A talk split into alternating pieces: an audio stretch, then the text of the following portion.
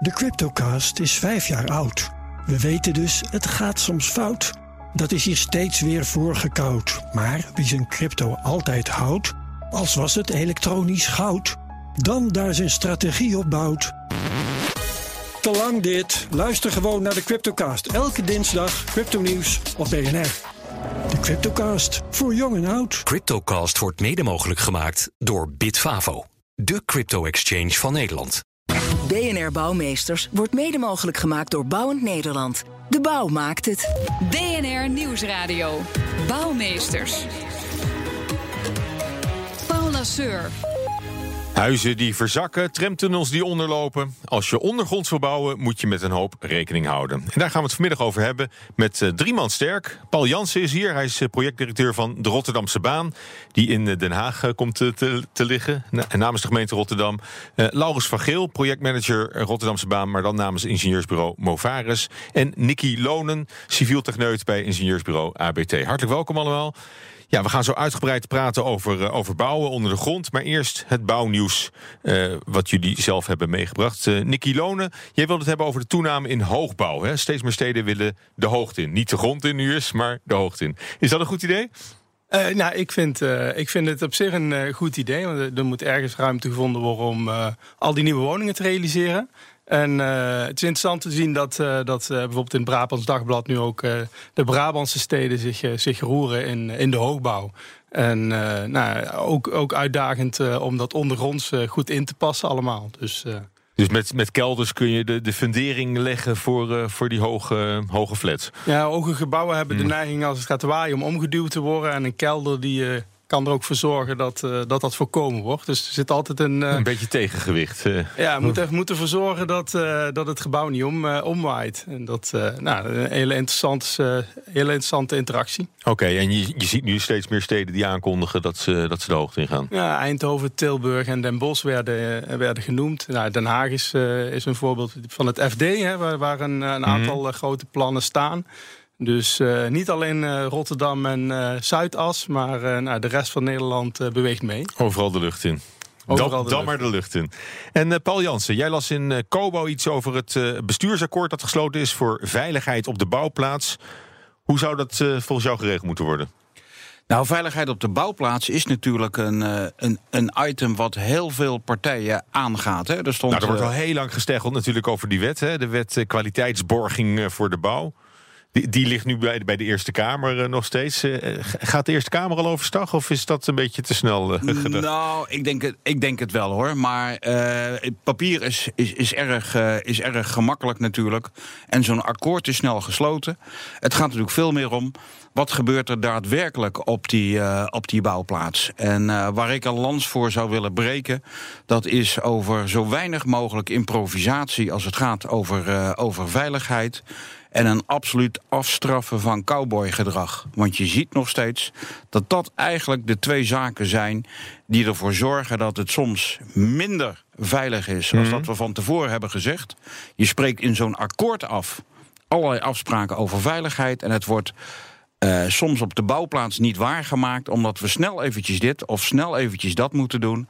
En het zou heel veel partijen, opdrachtgevers en opdrachtnemers op de bouw sieren om daar één lijn in te trekken en te zeggen van zo gebeurt dat gewoon niet meer, punt uit. Ja, maar gedrag is, is vaak nog uh, stoer doen gewoon van... Uh... Van, van jongens op de bouwplaats? Ouderwets stoer doen. En het is natuurlijk heel gebruikelijk. Hè? Als je thuis zelf de, de dakgoot aan het schoonmaken bent. En dat je denkt voor die laatste 50 centimeter ga ik niet meer naar beneden toe. En uh, plaats ik die, die ladder weer, die verschuif ik weer. Nee, je rek jezelf uit. En uh, iedereen denkt dan van dat je naar beneden dondert. En het gaat altijd goed. Die ene keer dat het misgaat, dan ben je die sigaar. En dat soort situaties, die heb je nou één keer op een bouwplaats veel meer als bij je eigen huis. Dus, en, uh, en de mogelijke gevolgen zijn veel ernstiger en, en groter. De mogelijke, tuurlijk, want bij ons gaat het altijd over zware dingen. Uh, grote materialen, groot materieel.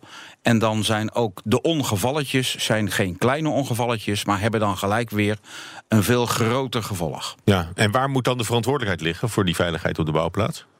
Nou, primair ligt hij natuurlijk altijd bij, uh, uh, bij de aannemer als werkgever van, uh, van de desbetreffende werknemers. Of, mm in dit geval, of, vaak van onderaannemers, zij zijn het die inhuren. Maar het is ook de, ook de verantwoordelijkheid van de opdrachtgever dat die ook een zoveel zo veilig mogelijke bouwplaats faciliteert. Ja, maar er is wel eens onduidelijkheid over wie nou eigenlijk uh, het, het, laatste woord heeft over de veiligheidssituatie. We zijn in Nederland natuurlijk heel erg goed om het uh, met vingertjes naar elkaar toe te wijzen. En veiligheid is nou net het verkeerde onderwerp daarvoor. Laurens van Geel, het nieuws van jou gaat over de Merwedebrug. Hè? Hebben we allemaal gehoord. Het had maar een paar dagen geschild of hij was daadwerkelijk ingestort, hè? Ja, dat, dat was een hoop ophef. Eén vandaag heeft daar veel aandacht aan besteed. Het stond ook in alle kranten volgens mij. Twee dingen eigenlijk die bij te binnenschoten. Is een stuk een verbazing van hey, hoe, hoe kan dat? Hè? In 2016 uh, wordt de brug afgesloten en in 2019 komt er in één keer een, een ophef over die zes dagen. Mm. Is er dan de, in de tussentijd iets op dat technisch vlak gebeurd? Berenschot had een rapport geschreven. Volgens mij ging dat meer over de organisatie van het hele mm. veiligheidsgebeuren eromheen. Dus, dus, dat was een stuk verbazing. Uh, het zijn natuurlijk wel hele specialisten die daar hun uh, mening over hebben gegeven. Dus het is, het is, wel van heel groot belang. En dat is eigenlijk het tweede ding wat, wat, wat ik uh, van wil zeggen. Is dat het wel heel goed is dat er meer aandacht is. Hè. Dat is een, een hele ingewikkelde materie. die vermoeiensverschijnselen, mm. inspectie en onderhoud. de ontwikkeling gaat snel. Hè. Je ziet steeds meer soorten van onderhoud en inspectiemethoden. Um, dus ja, ik werk er zelf aan. Dus dat dat ook voor Rijkswaterstaat met oh, ook voor, voor bruggen en sluizen? En, voor, uh, ja, wij inspecteren en adviseren over de instandhouding van beweegbare bruggen en, ja. en, en kunstwerken en sluizen. Ja, het is wordt veel aandacht aan besteed. Je ja. bij Rijkswaterstaat er ook heel veel... Uh, maar vind, je nou terecht, even over die Merwedebrug. Hè? Vind je nou terecht dat met nog zes dagen te gaan... dat, daar zo'n, uh, dat er eigenlijk zo paniekerig op wordt gereageerd? Want je kunt ook zeggen, nou, precies op tijd. Hè? Dat je ook niet onnodig, al, al voordat de streep in zicht komt... al begint met versterken en nou, onderhoud van die brug. Nou, ik, ja, ik vraag me natuurlijk... Tweede, ja, het is, je vraagt je af van waarom is het niet, niet veel eerder aan de bel getrokken? Want die marge die moet, die moet groter. Ja, maar aan de andere kant denk ik van ja, hoe, dat is wel een, hele theoretische benadering geweest, waarschijnlijk, vanuit de uh, berekening. Ja, een model. en er zit natuurlijk geen klokje op die brug die zegt van nou, nu is het zes dagen over en nu, uh, nu gaat het gebeuren. Maar, maar het belang en de, en de, en de veiligheid, uh, dat daar snel op gereageerd wordt en het goed geïnspecteerd wordt, dat is natuurlijk wel heel, heel groot belang. En ja. daar wordt veel aandacht aan besteed. Nou, onder de grond is dat niet anders waarschijnlijk met, met bouwen. Dat moet ook goed ja. geregeld zijn. Um, ja, je ontkomt dan niet aan de bouwput. Hè? Niki, daar weet jij alles van. Uh, wat zijn de meest voorkomende uh, bouwputten en technieken die dan gebruikt worden? Om dat een beetje, beetje goed... Uh, de meeste goed... bouwputten is gewoon gaatje graven, eventueel wat water wegpompen en je fundering of je kelder maken. Dat is mhm. eigenlijk zoals het... nou, dat is de makkelijkste manier. En mhm. vervolgens, nou, als dat niet meer lukt, dan gaan we damwanden in de grond stoppen. Uh, om het water tegen te houden en om, uh, om dat gat te kunnen graven terwijl er nog iets in de buurt staat. En uh, nou, als dat in de buurt staan, dat is dan af en toe de uitdaging. Dat, en, en, water, dat is gewoon grondwater wat er dan op staat? Ja, het, kijk, het, het, het ondergronds bouwen is niet zo ingewikkeld. Hmm. maar als er grond water is, dan, dan wordt het een stuk lastiger. En dat is in Nederland bijna altijd het geval. Uh, maar, in, in Nijmegen op de Zandberg kan je heel makkelijk een hele diepe put maken. Waarbij je die droog blijft. Ja. Die, gewoon, ja, die blijft vanzelf droog. Uh, dus onder water bouwen is veel moeilijker dan ondergronds bouwen. Okay. En dat is in Nederland eigenlijk altijd wel uh, het geval. Je hebt altijd die combinatie. Ondergronds betekent bijna altijd onder water. En kunnen jullie onder water ook, ook beton storten? Is dat, ja, er wordt gewoon uh, onder water wordt er beton gestort. Om te zorgen dat het water dus niet meer je put instroomt. dan moet je het beton wel vasthouden. Want het water drukt harder dan dat het beton weegt. En dat is een van de dingen die, die nog wel eens misgaat. Tegenwoordig testen we dat. Hmm. Van tevoren gaan we aan die ankertjes trekken. Om te kijken of dat ze wel in de grond blijven zitten. En Den Haag bij een project is het een keer misgegaan. Dat, de onderwater, dat, dat, bedoel, dat de boel omhoog kwam. Maar, ja, het stort in, hè? De, de, Haagse tramtunnel, hè, die de bijnaam de zwemtunnel kreeg, omdat die helemaal onder water liep. Nou, in Rotterdam heb je de, de, de Blunderput, hè, die parkeergarage onder het eh, museumpark. Dat is ook weer een paar jaar geleden. Maar, maar wat gaat daar dan mis? Nou, veel watergerelateerde problemen. Dus hm. dat het water, het water naar je toe komt als je de put aan het maken bent. En uh, nou, op zich is het water naar je toe komen niet zo erg. Dat pomp je weg. Zolang het maar door het zand of de, de, de klei heen kan stromen. Maar zodra het zand mee gaat nemen, dan, uh, ja, dan, dan gaat het in, in putten nog wel eens uh, goed ja. mis. En dat, dat, ja, dat, dat zag je dus in, in Den Haag bij de tramtunnel terug. Dat is ook een beetje de problematiek geweest mm. bij de Noord-Zuidlijn. Dat op een gegeven moment niet alleen maar water kwam Eh, want dan is er niet zo heel veel aan de hand. Maar zodra het zand meekomt met het water, dan, eh, ja, dan, gaat, het, eh, dan gaat het hard. Want Nou ja, dan, dan gaan en- dingen verzakken. En eh, je komt nog wel eens een leiding tegen waarvan je niet wist dat die daar liep.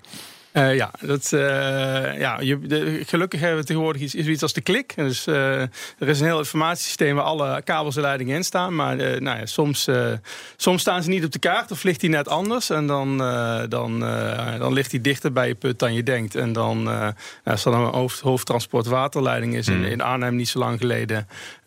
ja, klapte die uit het, uit het talud. Dus de helling die gemaakt worden werd om de put te maken. En toen stond de put heel snel onder water. En dat was ook niet weg te pompen. Ja. En, en het probleem is misschien dat naburige gebouwen beginnen te, te, te schuiven of, of, of te scheuren. Omdat, eh, omdat een bouwput het begeeft ergens anders. Eh, nou ja, begeven is sowieso eh, vervelend. Maar een, een bouwput, ja, alles, alles vervormt altijd een beetje rond zo'n bouwput. Maar ja, de techniek tegenwoordig is wel zo ver dat, dat je dat eigenlijk heel goed kan, kan voorkomen. In, in Groningen, het Groningen Forum, 5,5 kelderlaag op 3 meter van een monument. En een paar millimeter vervorming. En er zijn meer putten. Dus op zich is dat heel goed te beheersen. Eh, En, maar- het is ook vooraf goed in te schatten hoe die vervorming gaat optreden. ja, steeds beter. Eh, de techniek helpt ons daar ook bij, de, de rekentechniek. Mm. En eh, de metingen aan, aan putten die uitgevoerd zijn, die worden ook gebruikt om die rekenmodellen te verbeteren. En nou, dus, dus zettingen en vervormingen in de omgeving kunnen eigenlijk heel goed van tevoren voorspeld worden en gemeten tijdens de uitvoering. Ja. En zo'n bouwput, hè, is dat nou een, een kostbaar onderdeel van de hele bouw? Ja, ondergronds bouwen is niet goedkoop. Dus ondergronds bouwen moet je doen op het moment dat het waarde toevoegt aan, eh, aan de bebouwde omgeving. Anders, dan, eh, anders moet je er eigenlijk niet aan beginnen. Eh, dan kan je beter een bovengrondse oplossing zoeken. Maar er zijn ook wel hele goede voorbeelden. Bijvoorbeeld bij het Mauritshuis. Daar, eh, daar wilde men meer expositieruimte in, een, in, een, nou, in een omgeving waar je niet zomaar wat bijbouwt. En men wilde een aantal gebouwen aan elkaar koppelen. Nou, en daar heb je, is eigenlijk het plein onderkelderd. Waardoor je en een, nieuwe, een nieuwe en betere entree hebt kunnen maken. Een nieuwe expositieruimte en gebouwen aan elkaar koppelen. En dan voeg je echt waarde toe aan, aan die omgeving. En, Ja. en dan, is, ja, dan, dan is ondergronds bouwen een, een goede mogelijkheid. eh. Nou, misschien dat we zo nog even eh, doorpraten ook over, eh, over het Mauritshuis. Maar nu het buiten vriest, zal het wel stil liggen, hè? al die ondergrondse bouwen, of niet? Absoluut niet. Nee, Nee, gaat gewoon door? Eh, ja hoor, Eh, ten eerste, eh, de meeste mensen die, die buiten in de bouw eh, werken, die eh, hebben een, een- bloedhekel aan regen. En kou kan je, op, eh, kan je opkleden. Het, zijn, eh, het is natuurlijk het mooiste vak in Nederland wat er is. Hè? Eh, Ja. Het bouwvak, het wordt geweldig ondergewaardeerd. Maar eh, nee, die mannen, en ook vrouwen trouwens hoor, die, eh, die gaan nu nog wel even door. Het is een mooie blauwe lucht, strakke kou, dat is eigenlijk alleen maar mooi. Ja, mooi als, weer iedereen, als iedereen zegt het is prachtig golfweer of prachtig schaatsweer, is het ook ideaal weer buiten voor de bouw. Ondergronds bouwen gaat vooral ook over tunnels bouwen, infrastructuur dus. Hè. De aanleg van de Victory Boogie Woogie Tunnel van de Rotterdamse baan in Den Haag is daar een voorbeeld van. De boorfase is onlangs afgerond en de weg moet eh, zomer 2020 eh, opengaan. Eh, Paul Jansen, je hebt al eens eerder gezegd, een goed bouwproject begint met een goede espresso-machine. Hè? Absoluut. Wat, Ja. vind, wat vind je van de koffie hier bij je BNR? Nou, Of heb je je daar maar niet aan gewaagd? jawel, nee, dat is, die, is, eh, die, die is keurig hoor. Dus wat dat betreft eh, zijn jullie door de, eerste, door, de, door de eerste ronde heen. Ja, maar je, je, je meent het nog wel redelijk serieus ook hè, over die koffie. Oh, absoluut. Het, het is, het is Nou, niet alleen maar een, een, een snobistisch eh, praatje van eh, nee, de koffie moet ehm, kloppen. ehm, in ons vak wordt natuurlijk toch, eh, hoe dan ook, heel veel koffie gedronken. En koffie drinken, dat staat eigenlijk ook synoniem voor met elkaar praten... in plaats van met elkaar mailen. hè. In ons ons vak wordt er naar mijn mening veel te veel gemaild over en weer. Terwijl je heel veel kleine discussies kan je uitstekend beslechten... door met een kop koffie naar je counterpart eh, toe te gaan. Ja, en dan moet die koffie wel goed zijn... want anders hebben we het de eerste kwartier alleen maar over de kwaliteit van eh, het bakje pleur. Ja, want dat is het dus niet meer. Het is niet Nou. meer dat bakje pleur, maar eh, even een kopje koffie doen. Dat is even, echt even een overlegmoment. Eh nou heb je ehm, al, al veel meer eh, boorgeschiedenis. Hè? Je werkt ook aan de Noord-Zuidlijn. We kennen allemaal de verhalen over de verzakte huizen aan de, aan de, Vijzels, aan de Vijzelgracht. Heb je uit die tijd van de Noord-Zuidlijn, heb je daar lessen geleerd die je nu meeneemt naar de Rotterdamse baan? Ja, en dat zijn niet zozeer technische lessen, want eh, vergis je niet, hè, het boren van de tunnels van de eh, Noord-Zuidlijn is perfect gegaan. De verzakkingen ten opzichte ten gevolge van het boren, die zijn beperkt gebleven tot, eh, tot 2, 3 millimeter. Helaas is met het ontgraven van de stations, eh, nou, nou, waar mijn collega Nicky het er net over had, eh, dat is daar opgetreden. Er kwam, er kwam water in. Maar wat we mee hebben genomen, eh, de ervaring over eh, van de Noord-Zuidlijn naar eh, dit project, de Victory Boogie Woogie Tunnel, is enerzijds eh, de hele monitoring, dus het in de gaten houden van gebouwen en wegen, et cetera, alles boven het tunneltraject. En ten tweede, en dat is eigenlijk, eh, eigenlijk iets, daar zijn we ook bij de Hubertustunnel in Den Haag al ruim mee begonnen, qua omgevingsmanagement. Hoe opener en transparanter je communiceert naar de omgeving, des te groter is de acceptatie. En mocht er dan eens een keer wat misgaan, dan wordt het door de omgeving veel makkelijker opgepakt en gewaardeerd en, en begrepen. Het mooiste voorbeeld was wat dat betreft wel eh, onlangs. We waren klaar met het boren van de tunnels bij eh, van de Victory Boogie Woogie. Eh, en we hebben tegen iedereen gezegd: joh, als je een klacht hebt of een schade of het vermoeden van schade, alsjeblieft meld het. En er was één iemand die belde. Ja, hij zegt: Ik heb het tegenovergestelde. Mijn voordeur die klemde altijd. En nou ben je met die boormachine onder mijn huis doorgegaan. Hij zegt: Dan kan ik die deur in één keer zo Ja. makkelijk openzwaaien. Ja. Ja. Maar gaat, het gaat dus twee kanten op, die communicatie. Het is niet alleen jullie naar, eh, naar de omgeving toe, maar jullie, eh, jullie staan ook open voor eh, commentaar uit de omgeving. Wat misschien ook wel aardig was in, in Amsterdam, ver- verhuisde steeds die rode pijl op straat. Hè, zodat je kon zien op welk punt de boor ongeveer was aangekomen, maar dan onder de grond. Klopt, klopt. En nou, dat is natuurlijk ook een, een onderdeel van maximaal informeren. In Den Haag hebben we dat ook gedaan. Alleen ja, we zitten er nu wat meer in het digitale tijdperk. Dus daar hadden we de website Waar is de boor? Die is overigens vorige week omgedoopt tot Daar is de boor, want we zijn, er, eh, want we zijn ermee klaar. Maar het informeren van, eh, van je omgeving, ja, dat is een hele belangrijke taak van eh, projectorganisaties, zowel aan de opdrachtgevers als ook aan de opdrachtnemerskant. Ja. En eh, juist als je onder de grond bouwt natuurlijk, want dan eh, kan je niet eh, uit directe waarneming Ook dat. volgen. En mensen vinden het toch altijd eng natuurlijk dat je als je onder de grond bezig bent, je weet niet wat er gebeurt. Het is ook niet voor niets natuurlijk dat we beschermheiligen en beschermvrouwen allemaal hebben en afroepen om ervoor te zorgen dat het zo eh, risicoloos mogelijk eh, gebeurt. Oh ja, en ja, de, de, de boorkop wordt ook eh, gezegend hè, voordat hij weer eh komt de priester bij kijken. Alles krijgt een, dame, een damesnaam en, en priesters die zegenen eh, de boor in en alle mensen die erbij aanwezig zijn. Ja. Laurens van Geel, jij was namens eh, Movaris bij het begintraject eh, betrokken van de Rotterdamse baan. Eh, eh, hoe ging dat voor het traject? Ehm, nou ja, het begint natuurlijk bij, eh, bij eh, het initiatief van eh, de overheden, de gemeente en nog, nog wat meer, stadsgewest, die dan mobiliteitsproblemen kent. Eigenlijk al eind vorige eeuw zou je kunnen zeggen. Dat voor ons vanuit Movaris zijn wij van start gegaan toen er eigenlijk meer naar de technische kant gekeken moest gaan worden en de inpassing. Mhm. Ehm, ook daar komt de omgeving gelijk weer eh, naar voren. Hè, dat, eh, die tunnel zit wel onder de grond, maar de, de tunnelmonden aan beide zijden die hebben dan toch wel een aardige impact op zo'n omgeving. Ja, wat, wat, Eh, wat, wat- no- noem eens iets wat je dan nog tegenkomt waar, waar, waar niet eerder op gerekend was.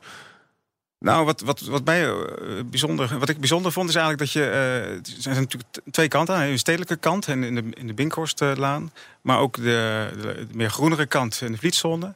Dat je aan de Vlietzonekant ziet hoeveel eh, extra ontwikkeling dat met zich mee kan brengen. Mhm. Zo'n zo'n initiatief van zo'n tunnel en, en de inpassing van de Rotterdamse baan. Dat je daar eh, ziet dat er een, een park, parklandschap ontstaat.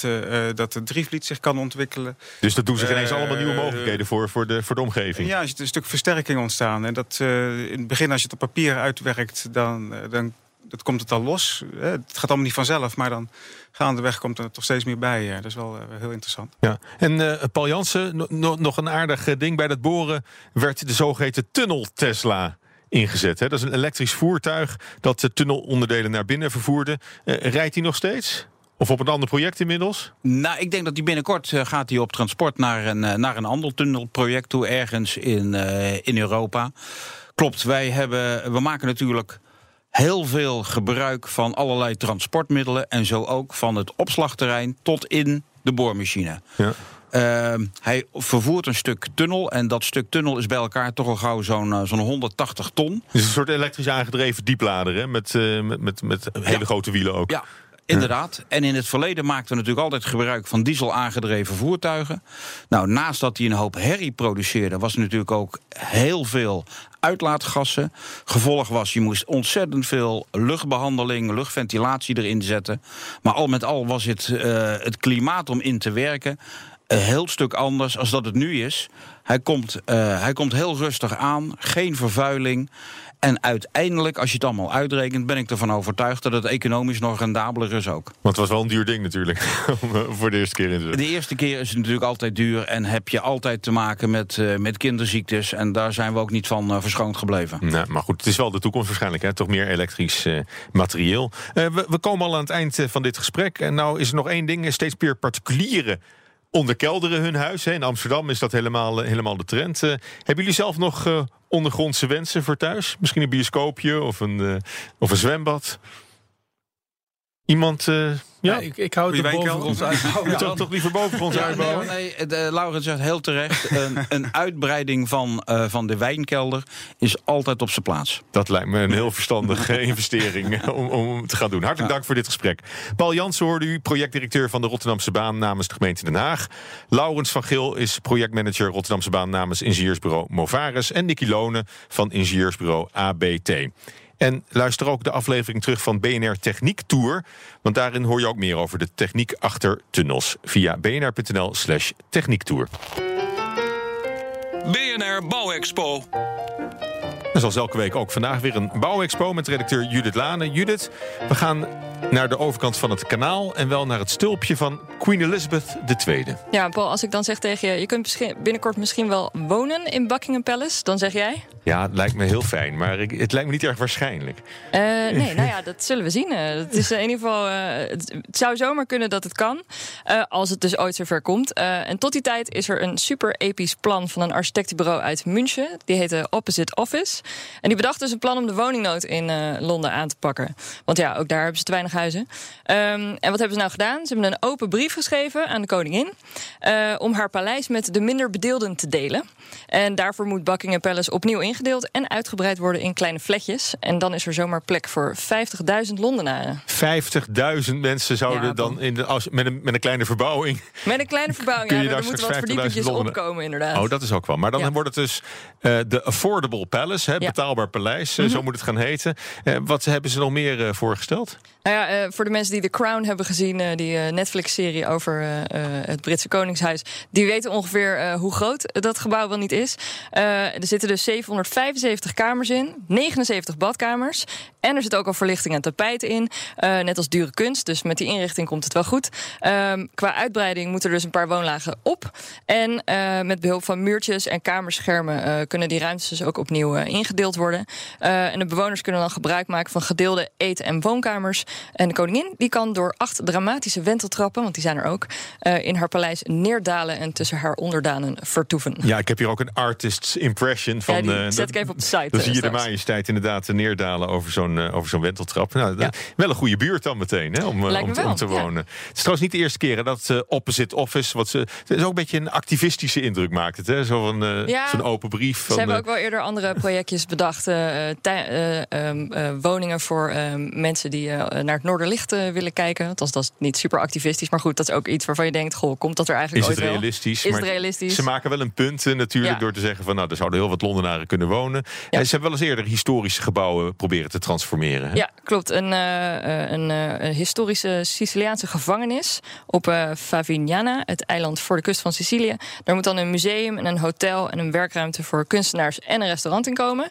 Uh, en uh, wat, de, wat is hun idee nou? een open structuur om licht binnen te laten. En dat hebben ze dus gedaan in de vorm van een grote glazen object op het dak. In de basisvormen van de geometrie. Um, dus kubussen, bollen, piramiden. En daardoor komt er dan licht in dat oude fort, wat het eigenlijk is. En dan kan je dus tussen de kunst leven. Oké, nou ja, goed. Dat is nog eens wat anders dan tussen de Royals uh, leven. Maar ook dat uh, lijkt me toch wel een grappig uh, vooruitzicht. Nu, nu, wordt het moeilijk om te kiezen, Paul. Het wordt moeilijk kiezen, maar ik moet nog kijken. ik moet nog zien of het ervan komt. Extra woonlaag en 50.000 Londenaren in Buckingham Palace. Dankjewel, Judith. Tot zover BNR Bouwmeesters. De uitzending is terug te luisteren via de BNR-app of als podcast in iTunes en Spotify.